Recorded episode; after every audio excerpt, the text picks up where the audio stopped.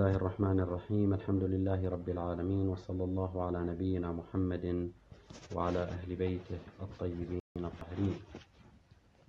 بهذه المناسبة العطرة لا بأس بأن آه، نقف وقفات مختصرة ومتواضعة بعنوان خواطر حول البعثة النبوية الشريفة. هذه البعثة التي تشكل تحولا أساسيا ومنعطفا مهما في تاريخ البشرية. لا لأننا مسلمين.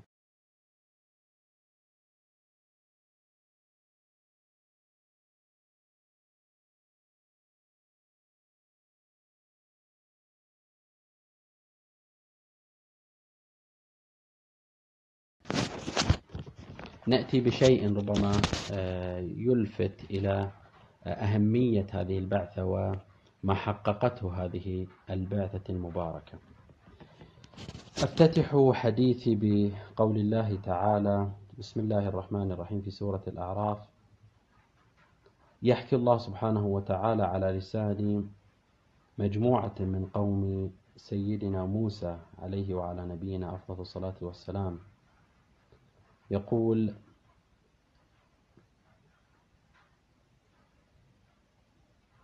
نعم بعد أن ذكر دعاءهم علق الله سبحانه وتعالى بهذا القول.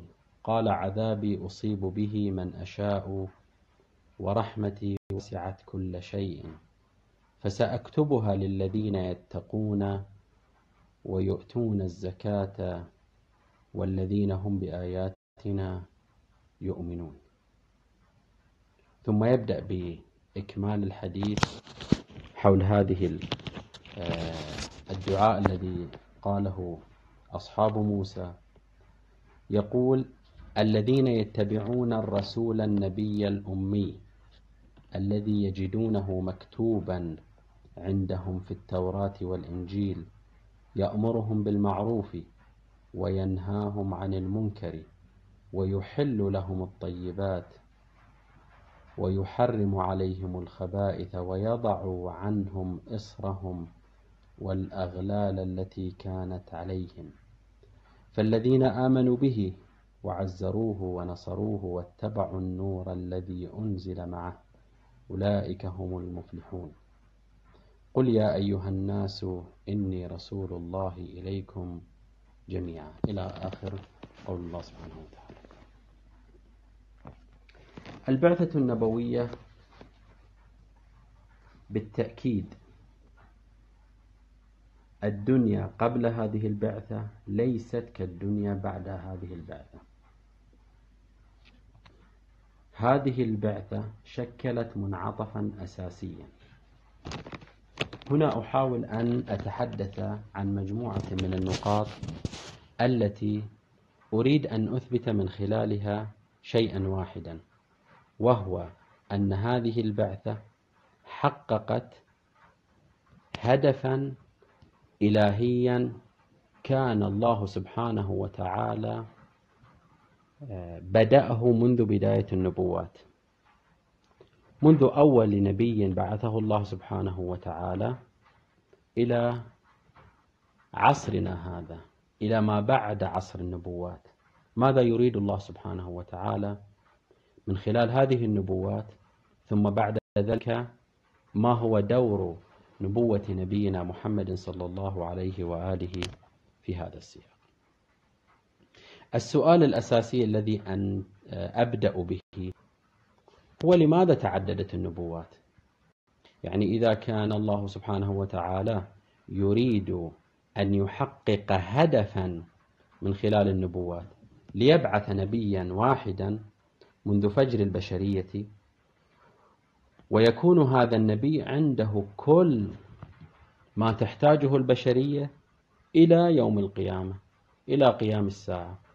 ليبدأ بعد ذلك البشر من بعد هذا النبي الواحد يبدأون بالسير على هذا المنهج أو على هذه السيرة التي جاءهم بها نبيهم الأول. لماذا هذا التعدد؟ لماذا هذا التنوع في الأنبياء. هذا هذه نقطة أساسية ينبغي أن آه، نتناوله ولو بشكل بسيط. لا بد أن آه، نعرف بأن هناك بحث قد وقع بين العلماء وهو هل النبوات تتكامل أو أن النبوات تتناسخ. يعني عندما يأتي النبي الأول ويأتي بتعليماته ويأتي بما يريده الله سبحانه وتعالى وما بعثه الله سبحانه وتعالى به. ثم بعد ذلك بعد فترة يرسل الله سبحانه وتعالى نبيا نبيا آخر. هل هذا النبي الآخر هل نبوة النبي الآخر. هي استكمال لهذا المشروع الأول أو أنها في الواقع تنسخ ما جاء به النبي الأول. معنى النسخ إلغاء النبوة السابقة واعتبار النبوة الجديدة هي النبوة السارية. وكل ما دعا له النبي الأول هو هذا هذه نبوة خاصة. نبوة في تلك المرحلة لنقل نبوة تاريخية أو نبوة آه، مختصة بوقتها. هذا طبعا نقطة أساسية لا نستطيع أن نتجاوزها بل لها آثار خارجية حتى على المستوى الفقهي والمستوى الشرعي. فقط من باب الإشارة لدى علماء الأصول بحث في أنه هل أحكام الأديان السابقة حجة على هذه الأمة أو ليست حجة. هنا وقع بحث عندهم وقالوا ما يسمونه بسنة من قبلنا. هؤلاء الذين هم قبلنا هل سنتهم حجة علينا كمسلمين أو لا؟ يعني في القرآن الكريم عندما يذكر على سبيل المثال الله سبحانه وتعالى آه، حكما شرعيا في شريعة موسى شريعة عيسى شريعة آه، يوسف أو تصرف من أحد الأنبياء. هل هذا التصرف يعتبر آه، حجة علينا نستطيع أن نحتج به في الأحكام الشرعية أو لا؟ لا نستطيع أن نحتج به وأن هذا الحكم منسوخ فكل أحكام الديانة السابقة منسوخ هذه نقطة أساسية. هذا تقريبا المحور أو هذان المحوران اللذين أو اللذان سوف يدور الحديث المختصر آه، في الواقع آه، في هذه الأمسية المختصرة. بالنسبة للمحور الأول وهو تعدد النبوات. لماذا تعددت النبوات؟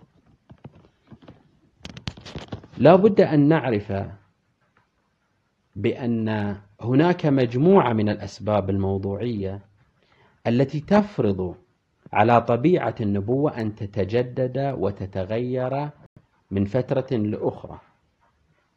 يعني إذا لو قلنا بنبوة آدم عليه السلام و آه، هناك بحث في نبوته فهل هو نبي أو ليس نبيا؟ ولكن بناء على أنه نبي من الأنبياء لماذا لم يأتي بهذه الشرائع كلها كل ما نحتاجه إلى يوم القيامة مرة واحدة وفي كتاب في مجلدات ونعمل بها. لماذا هذا التعدد في النبوات؟ لا يوجد هناك سبب واحد يدعونا أن آه، نؤمن بتعدد النبوات. هناك مجموعة من الأسباب مجموع هذه الأسباب هو الذي يفرض تعدد النبوات. السبب الأول هو استنفاذ غرض النبوة. يعني الله سبحانه وتعالى لماذا؟ الصوت مو واضح. أنا ما أعرف آه، الله سبحانه وتعالى الله سبحانه وتعالى آه، عندما يريد أن يبعث نبيا ما فإنه يبعث هذا النبي من أجل غرض معين. يعني الناس على فطرتهم خلقهم, خلقهم الله سبحانه وتعالى على فطرتهم. ولكن بعد انحرافهم عن الفطرة بعث لهم بعث لهم أنبياء. بعث لهم أنبياء.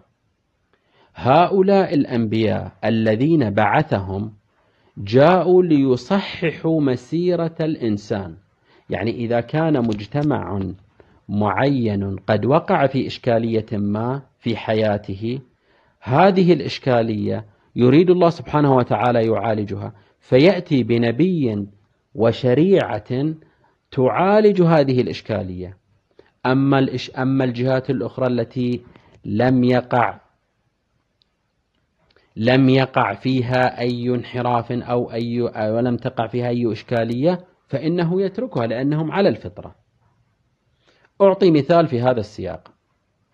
وهو المثال الذي ذكره آه، السيد الشهيد الصادق. لاحظوا أن المسيحية معروف المسيحية من يقرأ في كتب المسيحية وتعليماتهم يجد بأن المسيحية تعالج أو لنقل تركز على موضوع الجانب الروحي والتربية الروحية والانقطاع عن الحالة الدنيوية. نبوة عيسى عليه السلام وعلى نبينا وآله عليه السلام هؤلاء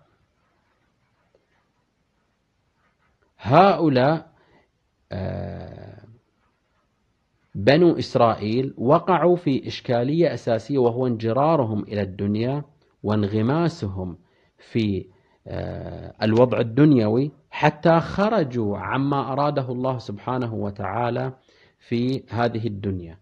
صحيح الله سبحانه وتعالى يقول للناس اعملوا في دنياكم ولكن لا يؤثر ذلك على الهدف الأساسي والغاية من الخلقة.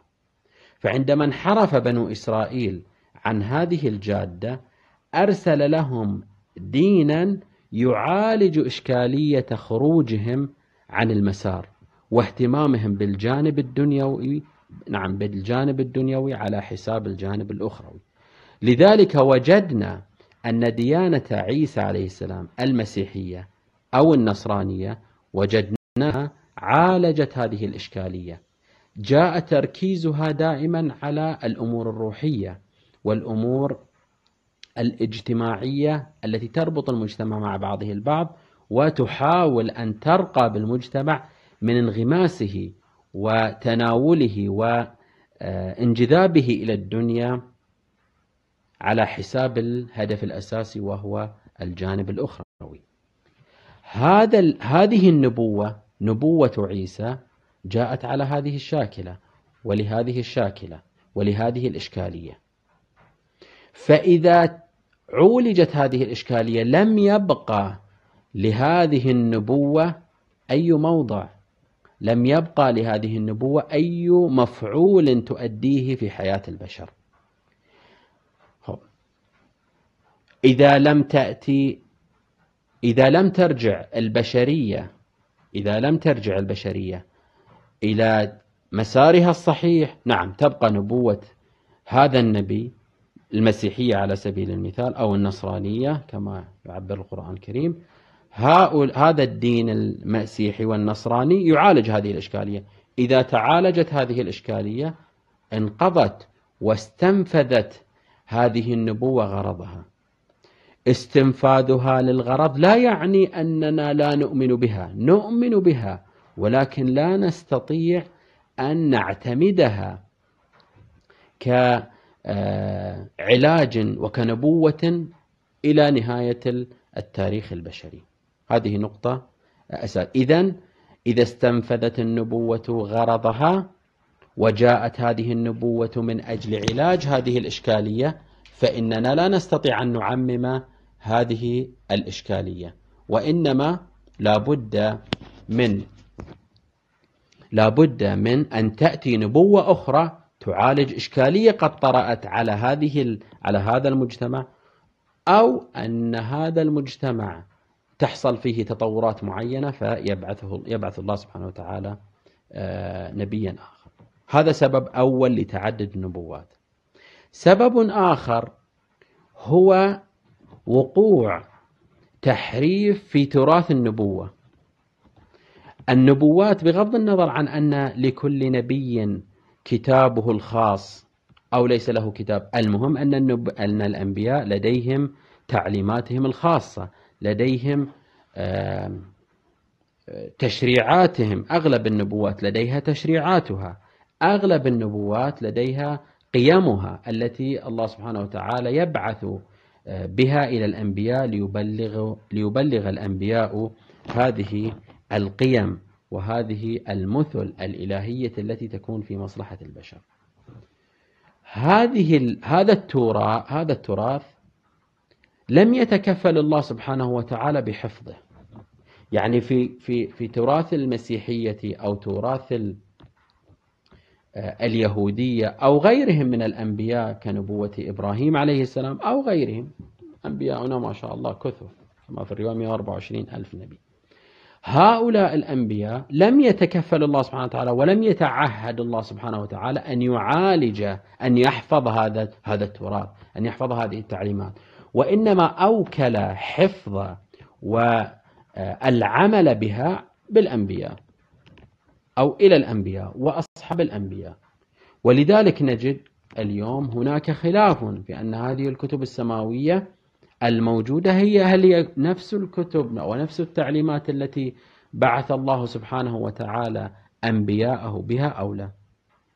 إذا وقع التحريف أو ضاع هذا التراث النبوي هنا من المنطقي جدا أن يبعث الله سبحانه وتعالى نبوة جديدة تحاول أن تنشط هذه القيم والمبادئ الإلهية التي يريد الله سبحانه وتعالى إحيائها على هذه الأرض. هذه نقطة مهمة جدا. خلافا للقرآن الكريم الذي تكفل الله سبحانه وتعالى بحفظه كما سنأتي إن شاء الله في آه، نهاية الحديث. هذا سبب آخر وسبب أساسي في تجديد النبوات. سبب ثالث هو هذه نقطة مهمة ربما تكون يعني غير مألوفة لكن لا يعني سأحاول أن أوضحها بقدر ما أستطيع. هو محدودية نفس النبي. نعلم بأن الأنبياء ليسوا على مرتبة واحدة. لدينا أنبياء كثر يتفاضل الأنبياء بعضهم بعضهم على بعض. هناك من الأنبياء من يسمون بأنبياء أولي العزم. هؤلاء أفضل أو لنقول مستواهم أعلى من سائر الأنبياء. إذا إذا هناك تفاوت بين الأنبياء. حتى أنبياء أولي العزم وهذا فعلا بحث لا يهمنا آه، من الجهة العملية وهو أن هؤلاء الأنبياء حتى أنبياء أولي العزم بينهم تفاضل وتفاضلهم يرجع إلى نفس قابلياتهم في مسألة قدرته الذاتية على استيعاب الرسالة ليس الرسالة التي بعثه الله سبحانه وتعالى بها وإنما مجمل بالتعبير بين يعني مجازي مجمل فكرة الله سبحانه وتعالى مجمل مشروع المشروع الإلهي. يعني ليس كل ال... في, ال... في الأخير الأنبياء بشر حتى في قدرتهم النبوية متفاوتون. هناك نبي يستطيع مثل أنبياء العزم يستطيعون أن يستوعبوا المشروع الإلهي وهناك أنبياء ليس لم يهابهم الله سبحانه وتعالى تلك القدرة على استيعاب المشروع الإلهي. أو أنهم يتفاوتون يتفاوتون في تفعيلهم لنبواتهم. نبي يستطيع أن يفعل آه، المشروع الإلهي بمستوى يختلف. موسى عليه السلام قدرته على التفعيل أكثر من غيره. لذلك كلفه الله سبحانه وتعالى ببناء مجتمع. ولكن ليس من المعلوم أن الله سبحانه وتعالى قد كلف عيسى عليه السلام ببناء مجتمع. هذا نقطة أساسية. إذا نفس محدودية النبي وقدرته النفسية وقدرته الشخصية تلعب دورا. فالله سبحانه وتعالى يبعث نبيا معينا في لقبيلة معينة. يعالج فيها إشكالية معينة. هذه قدرة هذا النبي هي هذه هذه النقطة. فقط لعلاج تلك الإشكالية فقط لممارسة دور دور معين يريده الله سبحانه وتعالى في هذه القبيلة أو هذا المجتمع أو هذه الجهة وغير ذلك. هذا آه، موضوع أساسي آه، لا بد أن آه، لا بد أن نلتفت إليه. إذا كان النبي في قدرته محدود إذا كان نفس النبي محدود في قدرته واستيعابه للمشروع الإلهي هنا هنا طبيعي جدا أن تكون نبوته أن تكون نبوته نبوة محدودة نبوة مؤقتة ليست نبوة ممتدة إلى كل المجتمعات وإلى كل الأقطار وبتعبير ثالث أنا أركز على هذه النقطة حتى يعني أوضحها حتى لا نقع في إشكالية وننزه الأنبياء عن آه، بعض الأمور التي لا نقصدها. وبتعبير ثالث نريد أن نقول إذا كلف الله سبحانه وتعالى نبيا من الأنبياء ليقوم بدور معين ليس من المعقول أن يكون هذا الدور الجزئي المكلف به هذا النبي أن يمتد إلى نهاية البشرية. هذا الامتداد لن يجعل للنبوة دورها وستتعطل النبوة في آه، ممارسة الحياة وستواجه ممارسة. بل ربما ربما فقط أحط هذا الاحتمال ربما تكون هناك بعض الأفكار البشرية أرقى من مع تطور الزمن أرقى من هذه الفكرة النبوية الجزئية. نعم في وقتها تؤدي دورها ولكن إذا تجاوزت تجاوزها الزمن وترقت البشرية ستكون هذه النقطة أو هذه الرسالة أو هذه هذا هذه القيمة المعينة التي جاء النبي المعين لعلاجها ستكون لا لا فائدة منها. ستكون موضوع تاريخي في الواقع لا يمكن الاتكاء عليه أو لا يمكن البناء منظومة دنيوية كاملة باعتبار هذا التطور إذا هذا سبب ثالث في هذا المجال. سبب رابع وأخير في تطور النبوات وهو سبب أساسي واقعا هو تطور الإنسان. الإنسان منذ أن خلقه الله سبحانه وتعالى إلى اليوم مر بتطورات كثيرة. مر بتحولات أساسية بطفرات بقفزات أساسية. لا بد للنبوات أن تواكب هذا التطور وهذا آه، وهذه الطفرات التي تمر بها البشرية. إذا كان الله سبحانه وتعالى يريد أن يهدي الإنسان كما سنذكر في القسم الثاني يريد أن يهدي الإنسان إلى سواء السبيل فهنا فهنا لا نستطيع أن نأتي بتعليمات منذ فجر البشرية لتعالج إشكالية في نهاية البشرية. فالأحداث متكاثرة ولا بد لهذه الأحداث المتكاثرة المتراكمة التي تطرأ على البشرية بحسب تطورات الإنسان الذي هو مستهدف من قبل الله سبحانه وتعالى في رسالته. لا بد أن تكون هذه الأفكار مستوعبة لهذا الواقع. لا أن تكون هذه الأفكار مستوعبة من هذا الواقع بمعنى أن, تهي أن يهيمن الواقع على هذه الأفكار لبساطة وسذاجة تلك الأفكار أو هذه الأفكار التي يدعو آه، أن آه، يدعو آه، نعم الأنبياء إليها. بتعبير آخر بتعبير تعبير آخر. ها الله سبحانه وتعالى ليس غرضه فقط أن يرسل نبيا وإنما غرضه أن يرسل نبيا لجعل هذه الحياة في ظل المشروع الإلهي في ظل الهدف الإلهي الذي رسمه الله سبحانه وتعالى للبشرية منذ خلقهم ومنذ أنزل آه، آدم إلى هذه الدنيا. هذا الصراع الذي تعيشه البشرية سواء صراع داخلي بين الإنسان والإنسان أو بين آه، الإنسان ونفسه أو بين الإنسان والطبيعة هذا يحتاج إلى علاج آه، يواكب هذه التطورات وهذه آه، التحولات الأساسية.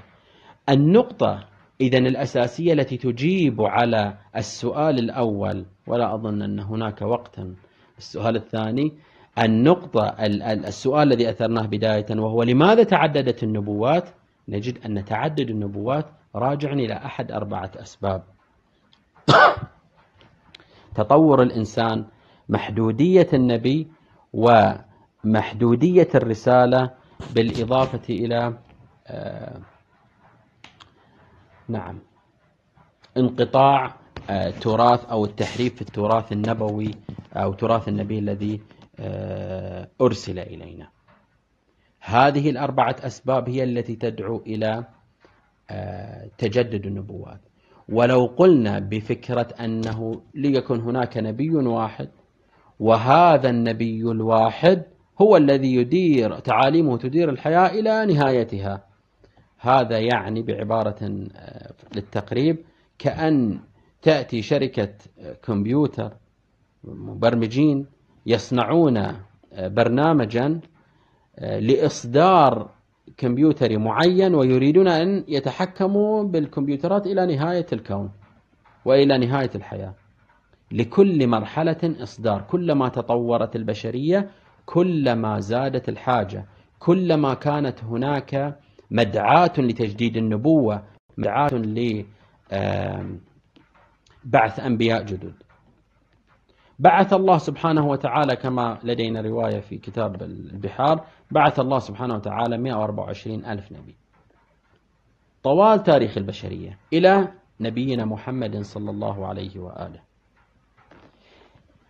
السؤال هنا المتفرع من السؤال الأول وهو إذا كانت هذه الأسباب الأربعة قائمة لماذا لا يبعث الله سبحانه وتعالى نبيا بعد محمد عليه أفضل الصلاة والسلام؟ لماذا اكتفى الله سبحانه وتعالى بمحمد ورسالته السماوية صلى الله عليه وآله؟ اكتفى بهم اكتفى بهم في اكتفى بمحمد صلى الله عليه وآله ورسالته الإسلام إلى نهاية البشرية. ما هي خصوصيات هذه هذه البعثة المباركة لنبينا محمد صلى الله عليه وآله؟ لكي يختم الله سبحانه وتعالى كل النبوات به. هذه نقطة أساسية. في الواقع لو أردنا أن نطبق هذه الأسباب الأربعة التي ذكرناها على نبوة نبينا محمد وعلى رسالة الإسلام هنا سنجد أن هناك خصوصيات في بعثة النبي صلى الله عليه وآله والمشروع النبوي المحمدي. لاحظوا السبب الأول هو استنفاذ غرض النبوة. المطالع للتراث النبوي والمطالع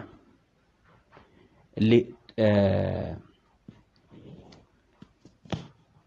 لأهداف نبوة نبينا محمد صلى الله عليه وسلم نجد أنها لم تأتي لغرض علاج إشكالية معينة وإنما جاءت بمشروع جاءت لعلاج لم تأتي لعلاج نقطة وإنما جاءت لبناء مجتمع وإنما جاءت من أجل آه، إدارة هذه الحياة بكل آه، أطرافها. لا نقول كل تفاصيلها آه، حتى لا ندخل في مسألة الجوانب التفصيلية.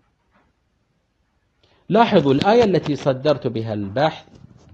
يعني أعلم أنني أخذت أكثر من المطلوب ولكن حتى أنهي هذه النقطة. لاحظوا. الذين يتبعون الرسول النبي الأمي الذي يجدونه مكتوبا عندهم في التوراة والإنجيل يأمرهم بالمعروف. وينهاهم عن المنكر ويحل لهم الطيبات ويحرم عليهم الخبائث ويضع عنهم إصرهم والأغلال التي كانت عليهم. فقط أركز على هذه النقطة الأخيرة. ونعم ويضع عنهم عنهم عنهم إصرهم والأغلال التي كانت عليهم. لاحظوا يضع عنهم إصرهم يضع عنهم كل تلك التراكمات التي لا تجعلهم ينطلقون في هذه الحياة. تلك التراكمات التي تمنعهم للوصول إلى الله سبحانه وتعالى. كل تلك العوائق التي تراكمت وتكلست في ذهن البشرية في نفوس البشرية فجعلتهم يركنون إلى الأرض. لا أقول إلى الدنيا وإنما يركنون إلى الأرض. لاحظوا التعبير النبوي لاحظوا التعبير النبوي. التعبير القرآني عفوا. هو الذي بعث في الأميين رسولا منهم. بعث استعمل الله سبحانه وتعالى كلمة البعث. البعث يأتي بعد حالة ركود وهدوء وجمود فيبعث الله سبحانه وتعالى نبي.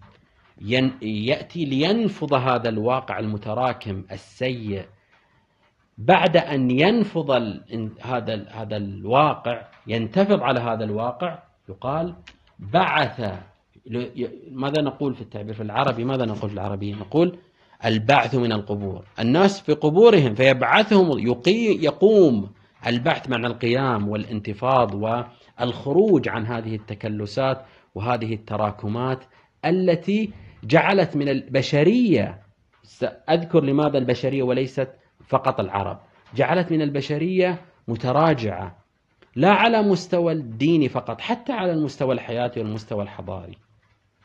هذا هذه نقطة أساسية لا بد أن نلتفت إليها. إذا استنفاذ غرض النبوة نبوة نبينا محمد صلى الله عليه وآله بحسب أهدافها وغاياتها التي ذكرها الله سبحانه وتعالى في كتابه الكريم لا لا لا تستنفذ. أصلا لا تستنفذ. وإنما تحتاجها البشرية ما دامت البشرية إلى يوم القيامة. نعم. هو إذن لاحظوا هو الذي بعث في الأميين رسولا ليضع عنهم إصرهم والأغلال التي كانت عليهم. إذا هذه نقطة. هذا هذا السبب الأول وكيف أن السبب الأول لا ينطبق ولا يأتي في نبوة نبينا محمد عليه أفضل الصلاة والسلام وآله. انقطاع تراث النبوة وهذا واضح بالنسبة إلينا.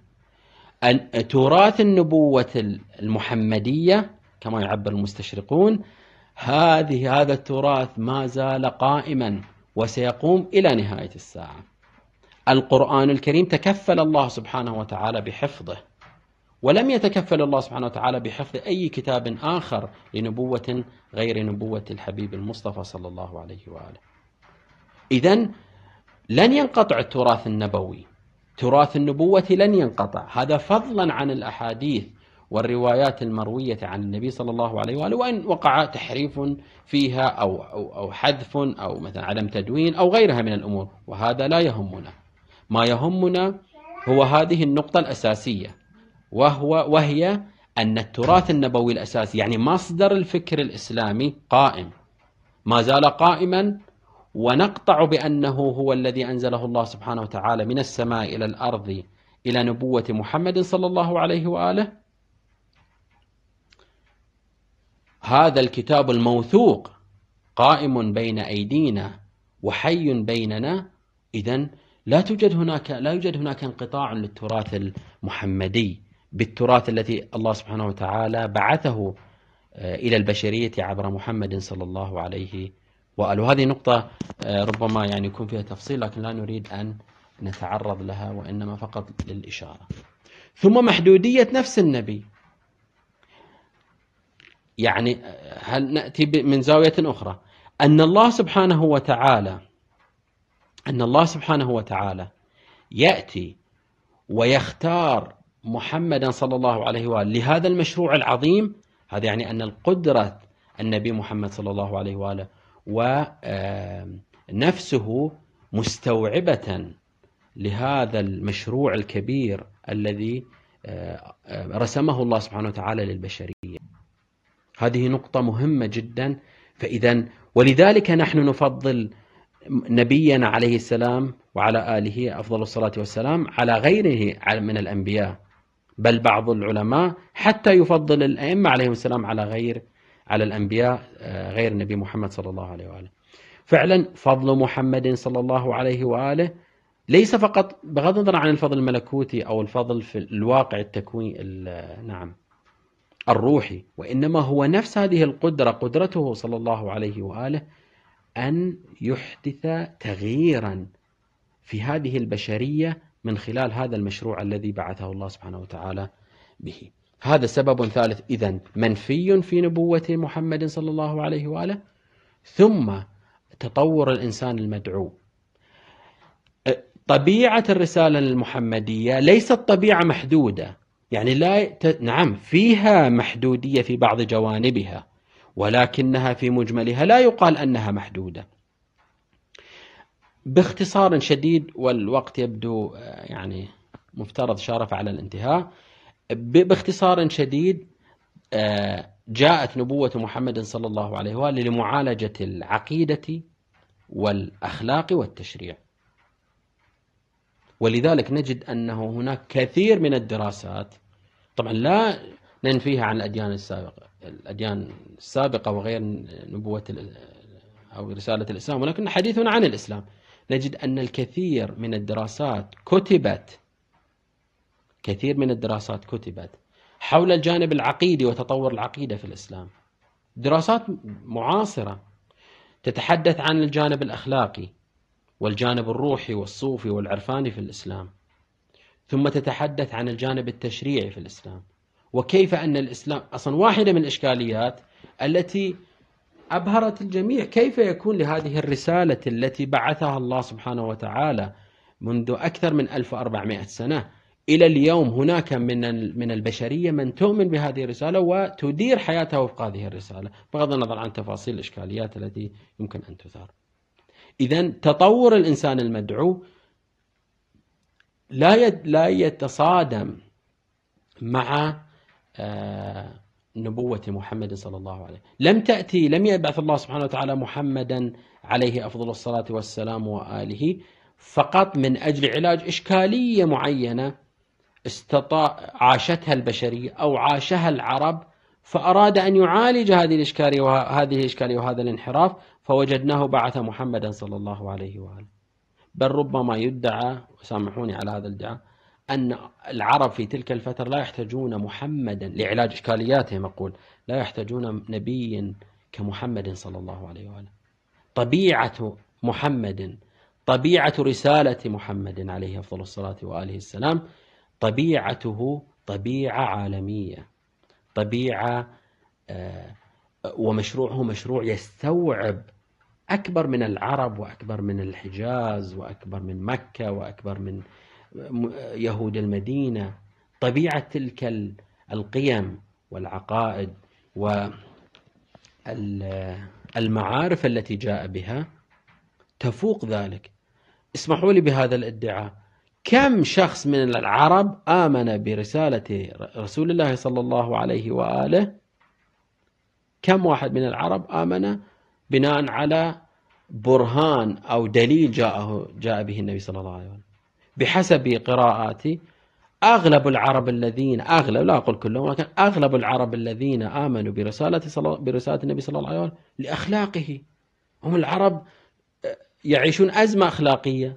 الرسول حتى يدخلهم في دائرة الإسلام أصلا لم يطلب منهم شيء لم يأتيهم ببرهان. القرآن جاء بالبرهان. هو وجد الصادق الأمين. قولوا لا إله إلا الله تفلحوا إذا آمنتم بي سأعطيك الله سبحانه وتعالى يرزقكم الجنة وغير ذلك. العرب ليست أمة في ذلك الوقت. النظر الآن.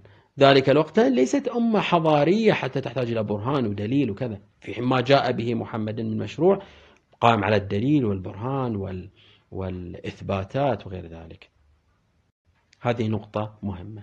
نقطة أخيرة أختم بها الحديث. وهو قدرة هذه البعثة تتجلى. كيف يعني أوصل هذه الفكرة؟ قدرة هذه البعثة الإسلامية وبعثة النبي صلى الله عليه وآله تتجلى في أن النبي صلى الله عليه وآله استطاع في من في خلال 23 سنة أن يحول ذلك المجتمع المتقاتل المجتمع الغير منظم المجتمع الذي لم يكن يمتلك أبجديات الحضارة. استطاع في 23 سنة أن ينقلهم من حالة العشوائية والفوضى إلى حالة الدولة. متى تأسس لدى العرب دولة؟ خصوصا في الحجاز. الآن نتحدث في منطقة الحجاز. يعني مكة المدينة الطائف وهذه المناطق. متى؟ أن يأتي شخص بهذه القيم وهذه المعارف وهذه المبادئ وهذه ال ال ال ال وهذا المشروع وأن ينقل هؤلاء العرب الذين يتصارعون فيما بينهم. ينقلهم من هذه الحالة العشوائية إلى حالة الدولة وحالة آه، التنظيم. إذا استطاعت هذه القيم واستطاع هذا المشروع أن يعالج هذه الإشكالية لدى العرب فهو بالتأكيد قادر أن يعالجها لدى ناس لدى أناس ولدى مجتمعات أرقى من المجتمع العربي. المجتمع العربي ربما اختيار الله سبحانه وتعالى أن يكون محمدا صلى الله عليه وآله نبيا للعرب وكان العرب ربما من أقل المجتمعات البشرية تحضرا ليثبت للبشرية أن هذا المجتمع المتخلف سوف يصنع منه هذا الإنسان في خلال أقل من 25 سنة يصنع منه مجتمع متحضر. ليس مجتمع متحضر بعد الحضارة اليوم وإنما استطاع أن ينقله. هي الحضارة انتقال من حالة البساطة والعشوائية والفوضى إلى حالة التطور المدنية استطاع وكل ذلك قائم على مبادئ إلهية. أكتفي بهذا المقدار من الحديث مع الاعتذار عن التطويل. آه، وأجدد التبريك لجميع المؤمنين والمؤمنات آه، وجميع المسلمين بهذه المناسبة العطرة وهي بعثة نبينا محمد صلى الله عليه وآله. وأدعو الله سبحانه وتعالى أن يكشف آه، لنا عن خصوصيات هذه البعثة أكثر وأكثر حتى نستفيد منها في مسيرنا الحياتي. أقول قولي هذا. وأستغفر الله لي ولكم والسلام عليكم ورحمة